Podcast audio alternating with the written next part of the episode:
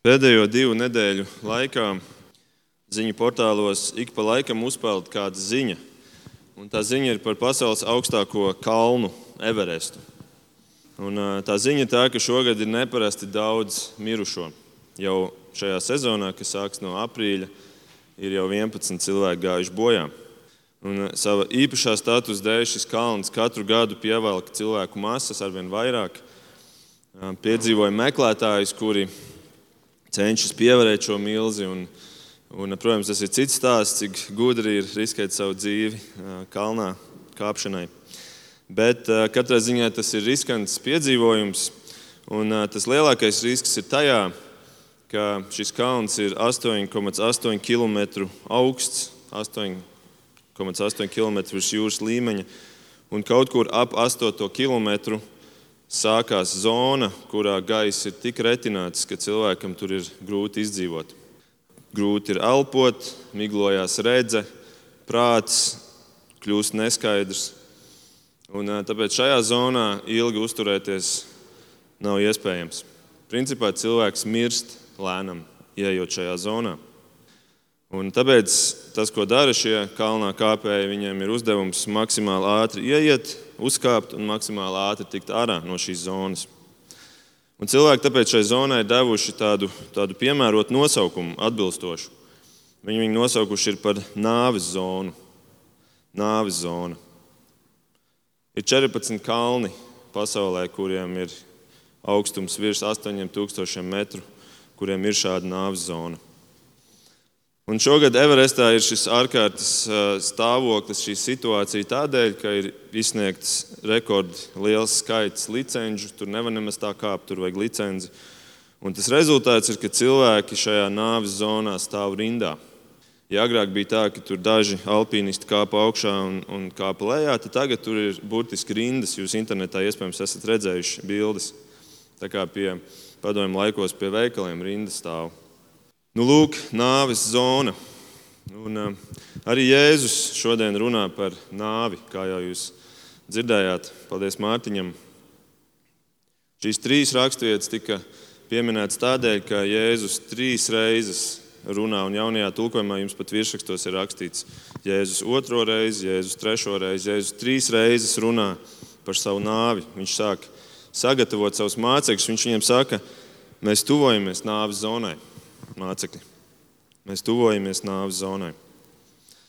Un tā nu tajā pirmajā tekstā, kurus aicinu jūs atvērt 16. nodaļā, 21. pantā, pirmais, pirmie vārdi skan šādi. No tā laika Jēzus sāka saviem mācekļiem atklāti teikt, ka viņam būs jāiet uz Jeruzalemi un jācieš un jātiek nonāvētam. Tātad Jēzus saka, mums ir jāsāk domāt par nāvi. Un arī šodien, varbūt šodien nav gluži mirušo piemiņu diena, bet arī šodien Dieva vārds ir mūs aizvedis pie šīs tēmas. Mums ir jādomā par savu nāvi. Nāve ir neizbēgama. Un tāpēc šai svētdienai esmu iedevis nosaukumu Nāve nebēgs. Nāve nebēgs. Kas varbūt izklausās ļoti pesimistiski, ļoti negatīvi. Patiesībā satur diezgan daudz labu ziņu. Līdz tam mēs tiksim. Bet tas, ko mēs interesanti šajās trīs raksturvietās varam redzēt, ka šie 12 mācekļi nav gatavi domāt par šo tēmu. Jautājums ir, vai mēs šorīt esam gatavi domāt par šo tēmu. Es pieņemu, ka mēs nepavadām ikdienu domājot par to vismaz lielākā daļa. Bet viņi nebija gatavi, un kā mēs to zinām, mēs redzam to pēc viņu reakcijas. Katrā no šīm trim raksturvietām ir viena reakcija, un mēs Par katru mazliet apskatīsimies. Pirmā būs garākā, tā kā nenolaižiet rokas, ja, ja mēs pirmo, pirmai patērēsim lielāko daļu laika. Tātad 22. pantā rakstīts ir ļoti interesants pants. Pēters pieaicinājis Jēzu sānis, norāja viņu. Lai Dievs pasargā tevi, kungs, tas nekad tev nenotiks. Tas grieķu vārds, kas ir lietots šim vārdam norāja, ir vārds, kurš nozīmē arī pārmeta vai pamāca. Tad Pēters, ko viņš šeit dara, viņš pamāca Dievu. Viņš pārmet Dievam. Kad tu pēdējo reizi esi pārmetis dievam kaut ko, vai pat pamācījis dievu, kas izklausās neticami, patiesībā visticamāk ir patiesība mūsu katru dzīvēm. Bet kāpēc, kāpēc Pēters norāja Jēzu? Atbilde ir meklējama Jēzus atbildē. Jo Jēzus zina, kas bija Pēters sirdī un kāpēc Pēters šo teica. Tā nu 23. pantā. Bet viņš pagriezies, sacīja uz Pēteri, un šis vārds sacīja Marka evanģēlijā, paralēlajā rakstvietā ir vārds apsauca. Tātad Pēters apsauca Jēzu, un Jēzus pagriežās un apsauc Pēteri. Tātad viņš pagriežās un apsauc Pēteri. Atkāpies no manis, Sātana! Tu man esi par apgrēcību. Tu nedomā pēc dieva, bet pēc cilvēka prāta. Diezgan spēcīgi, ko. Vai tev kādreiz kāds ir nosaucis par sātanu? Te vēl mēs par to dzirdam, Pēters to dzird no paša dieva. Kādēļ tik skarbi jēzu atkal mēs varam jautāt? Tā atbilde ir tāpēc, ka Pēters pats ir kļuvis par apgrēcību dievam. Paklausieties par šiem diviem vārdiem - apgrēcība dievam. Pēters kļūst par apgrēcību dievam. Jēzus jums saka, tu man esi par apgrēcību. Es nezinu, kā jums, man liekas, man liekas wow, būt par apgrēcību dievam. Kāds ir teikt, tā gan ir spēcīga tabaka. Kādēļ Pēters bija par apgrēcību? Teikt, ka viņš uzstājās ar ko tādu, kas patiesībā nebija nemaz viņa griba, bet, kā Jēzus saka, sātena griba. Paklausieties šo pašu pantu, 23. vēlreiz, ja mēs izņemam to vienu iestarpinājumu. Atkāpies no manis, sātana, tu nedomā pēc dieva, bet pēc cilvēka prāta. Ja mēs izņemam pirmo teikumu daļu, sātana, tu nedomā pēc dieva, bet pēc cilvēka prāta. Tad, ja mēs pārfrāzējam, sātana, tu domā pēc cilvēka prāta. Tu domā pēc cilvēka prāta. Vai šis nav baismīgi? Sātans domā pēc cilvēka prāta. Mēs parasti to esam pretējā virzienā dzirdējuši, ne? ka cilvēki dara sātana gribu, cilvēki domā pēc sātana prāta. Un tas jau vien izklausās baigi, bet šeit ir vēl baisāk. Sātans domā pēc cilvēka prāta. Es lieku jautāt, kas ir šis cilvēks? cilvēks? Jā, ne tikai Pēters, bet arī tu un es cilvēks, ka pat Sātans domā pēc viņa prāta. Sātans mēģina darīt tā, lai saskanētu ar cilvēku. Es domāju, šajā īsajā sarunā ir tik daudz pateikt par cilvēku dabu. Mēs te nevaram iet dziļāk, nav laika tam, bet, bet cilvēka daba panāk to, ka cilvēkam interesē šī dzīve vairāk nekā nākamā. Tā ir tā esence šeit. Mācekļiem visticamāk šajā posmā, šajā brīdī bija plāni ar Jēzu priekšgalā par, par to, kā viņi šo dzīvi pavadīs šo dzīvi, nevis nākamo. Kad drīz lielā dzīve sāksies, drīz mēs sasniegsim pēdiņās Everesta virsotni. Drīz mēs būsim pasaules augstumos ar šo jēzu priekšā. Pasaule būs mūsu rokās, pasaule būs pie mūsu kājām, ar šo ķēniņu, ķēniņu priekšgalā. Nekādu domu par kaut kādu nāves zonu. Vai mēs neesam līdzīgi? Jā, domājam par šo dzīvi, ne? Tik daudz šī dzīve pārņem mūs. Mēs domājam par to, kā mēs varam padarīt šo dzīvi maksimāli labu. Kā viens it kā kristīgs autors ir nosaucis vienu savu grāmatu, Tava labākā dzīve tagad. Tava labākā dzīve tagad. Bet, ja tagadējā dzīve ir labākā, tad kas būs debesīs? Vai tad tur nevajadzētu būt labākajai dzīvei? Vai tad mēs netaupām to labāko tur? Tas ir tas, ko Sātans vēlēs mums iestāstīt. Es ceru, ka ar mums tā nav. Es ceru, ka mums nav tā, ka mums Jēzus ir galvenokārt vajadzīgs šai dzīvei. Jā, arī šai, protams, bet lai tas ir kā bonus, nevis kā primārais mērķis. Lūk, Jēzus primārais mērķis šeit šodien atklājās. Viņam bija jāmirst par grēkiem, jāmirst nāve. Dievs bija iestādījis, ka ir jābūt nāvei šajā glābšanas modelī. Bija vajadzīga nāve, lai cilvēku padarītu svētu un lai viņš būtu tīrs, ka viņš varētu satikt svēto, svēto, svēto Dievu. Bez šī svētuma šajā dzīvē, nebūs iespējams redzēt Dievu nākamajā. Nu, lūk, cilvēku svētums. Tas bija tas, kādēļ Jēzus nāca un Jēzus maksāja par to ar savu dzīvību. Un tādēļ Jēzus turpina 24. pantā. Ja kāds grib man sekot, tas lai aizliet sevi, ņem savu krustu un seko man. Jo kas grib glābt savu dzīvību, tas to zaudēs. Bet kas savu dzīvību zaudēs manis dēļ, tas to atradīs. Nu, lūk, Jēzus šeit parāda, ka viņam ir jāiet pirmajam šis ceļš, bet pēc tam šis krusts ir tā tāda stafete, kur tu nodod viņu tālāk un tālāk un tālāk, un mēs nesam šo krustu tālāk savā dzīvē. Vajāšanas, ciešanas, vārdi, kuri mums varbūt nepaliek prātā ilgi, jo mēs to nepiedzīvojam daudz savā dzīvē, šeit, šajos apstākļos. Mums ir jāliek, jāskatās uz zemākiem plauktiņiem, uz asiem vārdiem diskusijās, uz neizpratni, uz sliktiem komentāriem, Facebook postos un ziņu komentāros par savu ticību. Katram ir relatīva šī, šīs ciešanas, šis krusts, kas ir jānes savā ikdienā. Bet tā mācība ir vienkārši, ja tev šī dzīve būs dārgāka par nākamo, tad tu ilgi šo krustu nepanesīsi. Bet, ja nākamā būs dārgāka, tad tu nesīsi līdz galam, līdz nākamajai dzīvei. Un Pēters šeit bija nostājies ceļā Kristus krustam. Viņš naivi domāja, ka ar to palīdzēs Jēzum Jēzu, lai tev tā nenotiek, tevi ir jāizglābj no tā, mēs aizstāvēsim tevi. Cik naivi, jo patiesībā jau ir tieši pretēji. Pēters sev nodara ļaunumu, jo kā gan lai viņš pats tiek cauri sveikā bez šīs Jēzus krusta nāves.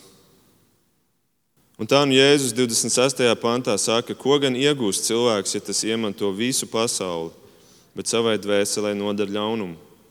Un ko cilvēks lai dod kā samaksu par savu dvēseli? Ko tu, Pēter, iegūsi, ja tu iemantos visu šajā dzīvē, kaut vai ar, ar mani priekšgalā, ar mani Jēzu priekšgalā, ar Izrēlā, karojot, atbrīvojot no Romas jūga un tad iekarojot citas valsts un izveidojot varbūt Izraēla impēriju, ieņemt visu pasauli. Ko tas dod, Pēter? Ka šīs pasaules dzīvreiz beigsies, un tad tikai viena lieta dzīvos tālāk ir šī lieta šajā tekstā? Dvēsele. Tava dvēsele. Ja tu stāsies ceļā kristum, tu ievainos savu dvēseli, ja es šeit saku. Tieši tā ir šī sātana griba. Un te mēs varētu runāt daudz un dikti par to, ka mēs gribam tikt cauri savā ikdienā bez fiziskām sāpēm, pievērt acis uz garīgo, mūžīgo, lai, lai atvieglotu savu fizisko dzīvi. Bet mums ir jāmācās domāt garīgi un plānot savu dzīvi garīgi. Izejot cauri nāves durvīm un nonākot mūžībā, mēs sapratīsim, ka vienīgais derīgais tad būs tikai mūsu dvēsele, jeb gars. Un ja tā nebūs derīga, ja šī vienīgā lieta, kurai nozīme, nebūs derīga, ko tu varēsi izdarīt, lai to padarītu derīgu? Ko tu varēsi iemainīt? Tu skatīsies savās rokās, kas tur būs, iegūtās mantas šajā dzīvē, iegūtais status, slava muļķi, viss, tas viss būs mēsli un atkritumi, tas viss būs kauns. Būs kauns pat domāt, ka to es varētu tagad iemainīt. Bet, ziniet, tas, kas tur sagaidīs, tas liks sašļukt visai dušai biksēs. 27. pantā, un, un, un tur tas ir minēts, bet, 20, bet paralēlajā tekstā Lūkas 9 šī aina ir aprakstīta pilnīgāk. Tur ir rakstīts tā, kas būs kaunējies manis un manu vārdu dēļ, tādēļ kaunēsies Dieva dēls, kad viņš nāks savā un sava tēva un svēto eņģeļu godībā. Lūk, šī aina tur būs, tur būs pats Jēzus un debesu tēvs un eņģeļi.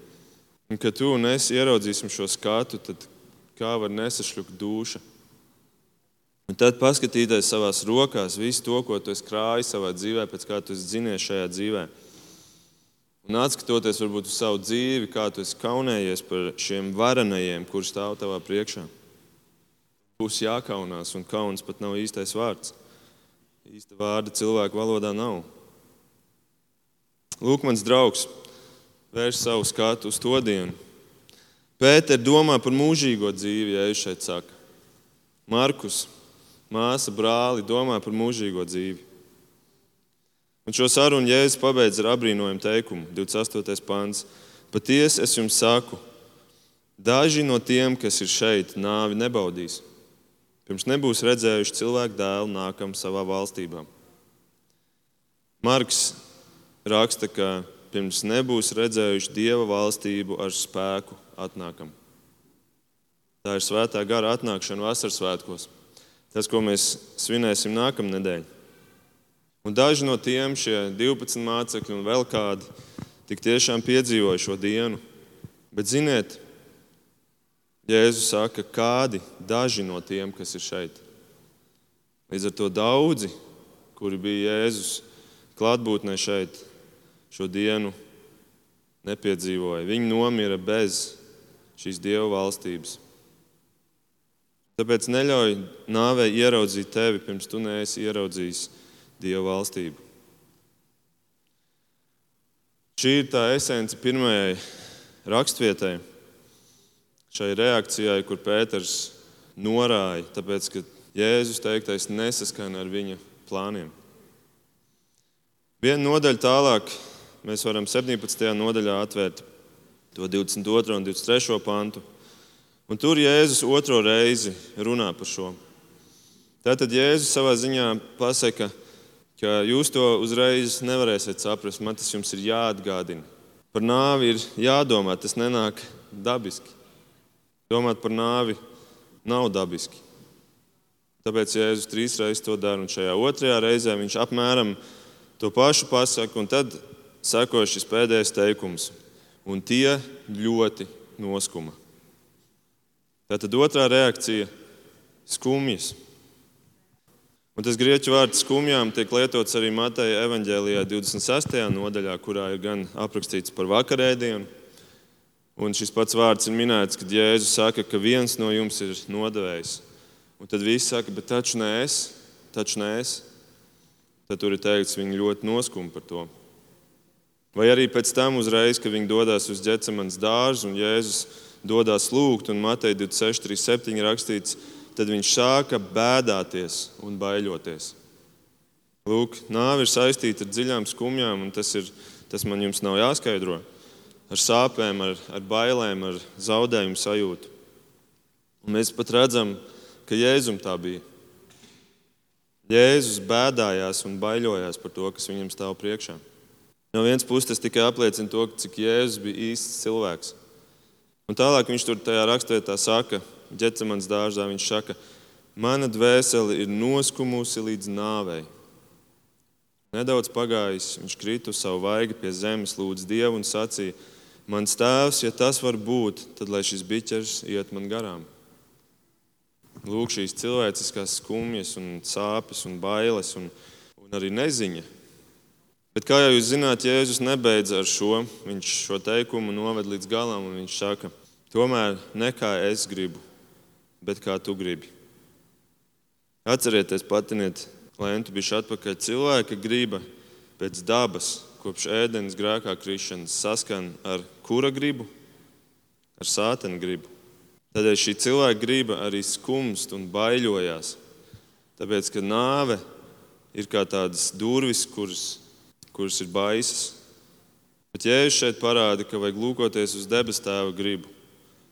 Tad tu vari saņemt spēku un iet tālāk. Pat ja tas nozīmē iet cauri šīm nāves durvīm. Atcerieties, nāve ir arī dieva radīta. Nāve ir dieva radīta. Šīs durvis ir veidojis pats Kristus. Jā, viņš bija galdnieka dēls, vai ne? Nāves durvis ir radījis pats Kristus. Un vēl vairāk caur šīm durvīm Jēzus pats ir nācis pie mums. Augustīns ir teicis, Mēs vēlamies aizsniegt debesu valstību, taču nevēlamies ceļot cauri nāvei. Un tomēr tā ir vajadzība, kas saka, uz šo pusi lūdzu. Nevilcinies cilvēki iet šo ceļu, jo šis ir tas ceļš, pa kuru Dievs atnāca pie tevis. Tāpēc, kad ir skumjas par šo nāvi, tad atgādinājums ir tas, ko Jēzus darīja. Skaties tēvam acīs un saki, ne kā es, bet kā tu, tēvs, gribi. Ziniet, Jēzum, tāpat kā tev un man nāve nebija kaut kas piedzīvots. Tas bija kaut kas jauns. Viņš vēl pie tam nesa visas pasaules grēkus sevī. Un es nezinu, kā to var aprakstīt, kā to var salīdzināt. Bet viņš to darīja pirmo reizi, tāpat kā mēs to darīsim vienu reizi. Bet neskatoties uz to, Jēzus tomēr gāja droši un izpildīja savu tēva gribu. Un ja viņš būtu ļāvis skumjām gūt virsroku un apturēt sevi, tad tu šodien nesēdētu šeit un neklausītos jaunās derības vēsti. Un šī jaunā derība stāsta par, par kaut ko tik skaistu nākotnē, mūžībā. Atklāsmes grāmatā 21 ir teikts, un Dievs noslaudzīs visas asaras no viņu acīm, un nāves vairs nebūs. Nāves vairs nebūs. Nec bēdu, nec vaimanu, nec sāpju vairs nebūs, jo viss bijušais ir pagājis. Lūk, caur skumjām mēs ejam uz šo vietu, bet šajā vietā skumja vairs nebūs. Šīs ir pēdējās skumjas, kuras mēs piedzīvojam. Skumjas pašam domājot par savu pašu priekšā stāvošo nāvi, bet es domāju arī skumjas, ka mēs domājam par mūsu mīļajiem, kuri varbūt ir aizgājuši mūžībā. Bet nebūsim kā tie 12 mācekļi šeit, kuri kuri nāvi asociē tikai ar kaut ko negatīvu. Čārlis Pēržens ir teicis, pastāv būtiska atšķirība starp dievbijīgu un nedievbijīgu cilvēku nāvi. Bezdievim nāve nāk kā sots, bet taisnējam kā pavēsta uz savu tēva mājām. Grēciniekam tā ir eksekūcija, svētajam savu grēku un trūkumu novilkšana. Nāve ļaunajam ir baiļu karalis, nāve svētajam ir baiļu beigas un godības iesākums. Kāds ir vēl teicis, es neatceros, kurš tas bija, ka divi kristieši nekad netieks pēdējo reizi. Divi kristieši nekad netieks pēdējo reizi. Pirmā reakcija norāšana, apsaukšana, pamācīšana, pārmešana dievam. Otrā reakcija tūredzīgas skumjas. Mēs varam aizšķirt uz trešo raksturvietu, Mateja 20, no 17. līdz 19. pantam. Mēs jau izlasījām šo raksturvietu, un te pēc būtības Jēzus pasaka ļoti līdzīgi. Gan arī to pašu, trešo reizi. Bet ko Matejs nepasaka, pasaka Lūka, proti, kāda bija reakcija šiem mācekļiem. 18. nodaļā ir rakstīts, uzreiz pēc šī Jēzus teiktā. Paklausieties! Viņi no tā neko nesaprata. Viņi no tā neko nesaprata. Sacītais viņiem palika apslēpts, un viņi nespēja teikt to izprast. Cik jauki, vai ne? Jēzus trīs reizes māca, un viņi neko nav sapratuši. Trešā reakcija nesaprašana vai neizpratne. Un, ziniet, tas absurdais ir tas, ka tas notiek īsi pirms viņi ieiet Jeruzalemē. Īsi pirms pēdējās nedēļas Jēzus šīs zemes misijā. Principā viņi trīs gadus ir staigājuši ar Jēzu, viņi ir mācījušies. Un šajā brīdī, gandrīz jau misijas beigās, viņi joprojām nesaprot, par ko te vispār ir runa. Kāpēc ir vajadzīga tāda nāve Jēzum? Viņi no tā neko nesaprata. Tas būtu tā, it kā tu tuvojies Everesta virsotnē, un tu joprojām nesaproti, kāpēc tev ved uz turieni. Pēc visa tā, kas ir piedzīvots. Bet, ziniet, diemžēl tā notiek. Arī šodien, un arī piedodiet, bet arī ar mums. Cik daudzi nesaprot, kāpēc viņi vispār ir šajā dzīvē. Tas attiecās uz gandrīz visiem neticīgajiem, bet tas attiecās, diemžēl, arī uz ļoti daudziem ticīgajiem. Kādēļ tu vispār esi šeit? Kāpēc Dievs tev dod šos gadus? Kādēļ šī dzīve, kādēļ pēc glābšanas tu joprojām atrodies šeit? Kādēļ šie labie komforta apstākļi, kuros tu esi ielikts šajā laikā, šī nav trešās pasaules valsts? Kādēļ tie talanti, kuri tev ir iedoti līdzi mugursomā? Cik daudz kristiešu līdz pat savai nāvei tā arī nav sapratuši, ko viņi te īsti dara. Un es nerunāju par savu vietu draudzes kalpošanā, bet es runāju par lielo misiju, lielo misiju. Tā lūk ir atbilde. Mēs esam misijā.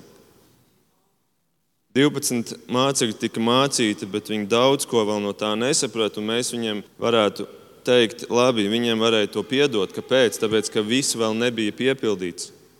Jēzus tikai pēc nedēļas karājoties jau pie krusta piepildīs visu. Un viņiem vēl nebija dots svētais gars, kas nāks tikai pēc kāda laika. Bet jūs saprotat, ko es gribu pateikt ar šo? Mums, mīļie draugi, šo attaisnojumu nav. Jo Jēzus ir visu pabeidzis un svētais gars mums ir dots. Tāpēc vai tu saproti, ka tu atrodies misijā? Tev ir šī izpratne par to, ka dzīve, šī mazā dzīve ir tikai sākuma daļa kaut kam daudz lielākam.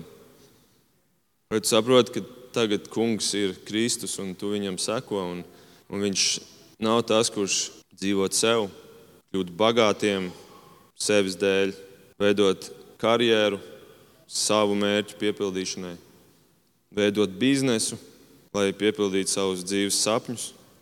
Tas nav tas, ko Jēzus šeit dara. Mēs pat redzam, tad, kad Jēzus ir nomiris un, un Pēters atgriežas, un arī mācekļi atgriežas vecajā profesijā dodas atkal zvejot. Viņi vēl nav sapratuši tajā brīdī. Bet tas nebūs attaisnojums mums. Un, un es nesaku, ka mums katram ir jākļūst par sludinātāju vai par evaņģēlistu, bet mums ir jādomā par dzīvi kā par misiju, kura mums ir uzticēta, un mēs vairs neesam paši sev kungi. Vai arī, ja kāds par tevi rakstītu no malas, tad tur būtu šis teikums. Bet viņš neko nesaprata. Viņa neko nesaprata no Dieva vārda teiktā. Dieva vārda teiktais palika apslēpts viņam. Viņš nespēja Dieva vārda teikto izprast. Kaut tā nebūtu ar mums. Kaut nebūtu tā, ka mēs sakam, Jēzus ir mūsu kungs svētdienām. Un pirmdien līdz sestdienai es esmu kungs. Pirmdien līdz sestdienai man ir sava misija, man ir sava pienākuma, man ir savs bizness un karjera, un man ir plāni savi, un mana nauda tā ir un mans laiks. Un, protams, es no tā visa došu Dievam kaut ko, cik nu es uzskatīšu par vajadzīgu un kad es uzskatīšu par vajadzīgu. Nē, tā neteikt tas, kurš ir Kristus misijā. Tā neteikt tas, kurš ir Kristus misijā. Jo, kad Kristus pārveido cilvēku, un šis ir svarīgi, kad Kristus pārveido cilvēku, viņam tas nav tikai tāda izmaiņa, mazliet pagriežās citā virzienā dzīvē. Viņš iedod šim cilvēkam jaunu sirdi, Un šī jaunā sirds nāk ar sastāvdaļām, kuras liek cilvēkam iemīlēt jaunas lietas. Un tur nāk komplektā jauna redzes, jaunas acis, un tu sāc redzēt dzīvi daudz tālāk. Tu tā tāds rentgens esi, kurš redz cauri laicīgiem un redz mūžīgo. Tu redz pāri nāvei. Un ja visa šī nav, tad jautājums ir, vai tu vispār esi jauns radījums? Vai es esmu jauns radījums? Vai tiešām Kristus mani ir pārveidojis? Patiesi atgriezies kristietis, pārveidojis arī savā prātā. Un no šīs nesaprašanas, ko mēs redzam šajos mācekļos, kur neko nesaprata, no šīs nesaprašanas un šaubām šis prāts pāraug pat kaut ko tādu, kur ir zināšanas un pārliecība. Paklausieties, kā Bībele runā ar pārliecību, un to raksta jaunās derības autori. Romiešiem 8. Mēs zinām, ka tiem, kas Dievu mīl un kas pēc viņa iepriekšējā nodoma ir aicināti, viss nāk par labu. Otrā korintiešiem mēs zinām, kad uz zemes celtā telts, kurā mītam, reiz sagrūs, mums būs Dieva celts mūžīgs mājoklis debesīs, kas nav rokām darināts. Pirmā tesaloniķiešiem. Jūs, brāļi, kas esat Dieva iemīļoti, zināt, kā esat izredzēti. 1. Jāņa 2. Mēs zinām, ka ir pēdējā stunda. 1. Jāņa 3. Mēs zinām, ka esam no nāves pārgājuši dzīvībā, tādēļ, ka mēs mīlam brāļus, bet kas nemīl, paliek nāvē. 1. Jāņa 5. Mēs zinām, ka ik viens, kas dzimis no dieva, negrēko, bet dieva dēls viņu pasargā un ļaunais neaizskar viņu. Mēs zinām, ka esam no dieva un visa pasaule ir grimusi ļaunumā, bet mēs zinām, mēs zinām, ka dieva dēls ir nācis un devis mums saprašanu, ka atzīstam patieso. Vai ir jūtama pārliecība šajos vārdos? Mēs zinām, mēs zinām, mēs zinām. Kā jūs to zināt? Tāpēc, ka Dieva vārds dzīvo mūsos, un tas mums dod saprāšanu, un mēs to ēdam, un mēs no tā dzīvojam, un mēs pieaugam atziņā. Un ziniet, kas ir tas skaistais, ka šie paši nedrošie 12 mācekļi, kuri ir arī šo autoru vidū, kurus tikko lasīju, viņi gāja šo ceļu un neko nesaprata, līdz mēs zinām. Pirmā Jāņa vēstule ir rakstījis Jānis, Jēzus māceklis, un tur ir pilns ar šiem mēs zinām, mēs zinām, mēs zinām. Ja tu augsts Dieva vārdu atziņā un saprašanā, tu sapratīsi, ka tu esi misijā. Un, ja tu būsi sapratis, ka tu esi misijā, tad nāve arī tev vairs nebūs baisa. Jo nāve būs viens slieksnis tavas mūžīgās misijas, tavas mūžīgās dzīves turpinājumam. Lūk, cik svarīgi ir ņemt šo Dieva vārdu un, un ļaut, lai Kristus māca.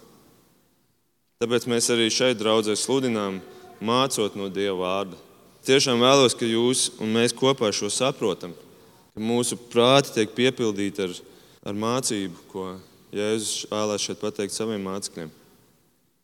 Tas rezultāts ir šī pārliecība, un tas rezultāts ir redze, ka tu redzi mūžīgo, un šī, šis rezultāts ir arī tev vairs nav bail. Džons Noks ir rakstījis, dzīvo Kristū, dzīvo Kristū, un miesai vairs nevajadzēs baidīties no nāves. Dzīvo Kristū nozīmē mācīties par viņu, ņem no viņa, audz viņā, dzīvo ar viņu, lai viņš tevi vada un lieto nevis tavā, bet savā misijā. Un noslēdzot, tātad mēs redzam, Jēzus konfrontē šos savus 12 mācekļus ar nāvi. Un viņu reakcija ir pārmetumi, norāšana, tuvredzīgas skumjas un nesaprašana. Tā patiesība ir tā, ka Mēs katrs kāpjam tādā kā Everestā, savas dzīves kalnā. Un mēs katrs tuvojamies savai nāves zonai. Un nāve nebēgs. Mēs to zinām. Pirmā nāve ir neizbēgama. Bet no tās mums nav jābaidās. Mums ir jābaidās par to, kas sekos pēc tam. Un tā patiesība ir, ka arī otrā nāve nebēgs. Nāvei nav raksturīgi bēgt, nāve ir vienvirziena. Tā tikai nāk tuvāk. Tā ir nenovēršama, tā ir neizbēgama. Tāpēc vai nu tā atnāks un aprīs tevi, un tu nespēsi pat attapties, kad būs jau par vēlu, vai arī tā ir jānogalina, jo tā nebēgs. To nevar aizgāņot prom. Un mēs saprotam, ka mēs paši nezinām, kas notiks aiz šī nāves sliekšņa, un mēs nespēsim rūpēties par savu otro nāvi. Tāpēc mums ir vajadzīgs radītājs, kurš ir radījis šo nāvi. 1. korintiešiem 15 ir rakstīts, ka nāve ir aprīta uzvarā. Otrā nāve ir aprīta uzvarā. Kur nāve ir tava uzvara? Kur nāve ir tavs dzelonis? Nāves dzelonis ir grēks, un grēka spēks ir bauslība. Bet pateicība Dievam, kas mums dod uzvaru caur mūsu kungu Jēzu Kristu. Lūk, nāve nebeigs. Vai nu tā aprīs tevi, vai arī tev jālūdz Kristus, lai viņš šo uzvaru pār nāvi arī dod tavai dzīvei. Kristus gāja nāvē, lai nāvei nestu nāvi. Šis visbaisākais no ienaidniekiem palicis bez dzeloņa. Slava Dievam! Lūksim! Debes Tēvs, paldies par Tavu vārdu. Paldies, Jēzu, ka Tu biji tik pacietīgs ar saviem mācekļiem. Paldies, ka Tu esi arī pacietīgs ar mums. Un paldies, Svētais Gars, ka Tu esi mūsos, Tu māci mūs. Es lūdzu par katru, kurš, kurš sauc sev par kristieti, bet, bet dzīvo sev. Kungs, lūdzu, palīdz, ka mēs varētu pārbaudīt savu dzīvi Tava vārda gaismā Nevis uzticēties paši tam, kā mēs domājam, kā ir, bet lai tavs vārds ir tas, kurš pasaka jā vai nē.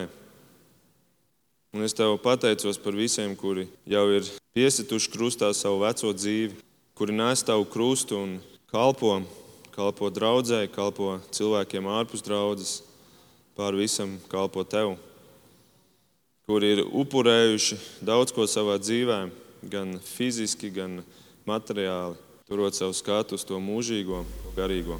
Dod lūdzu mums spēku, kā draudzē arī augt, šo misiju arī pildīt uzticami. Lūdzu, lieto mūs katru un visu mēs lūdzam, ja jūs tavā vārdā.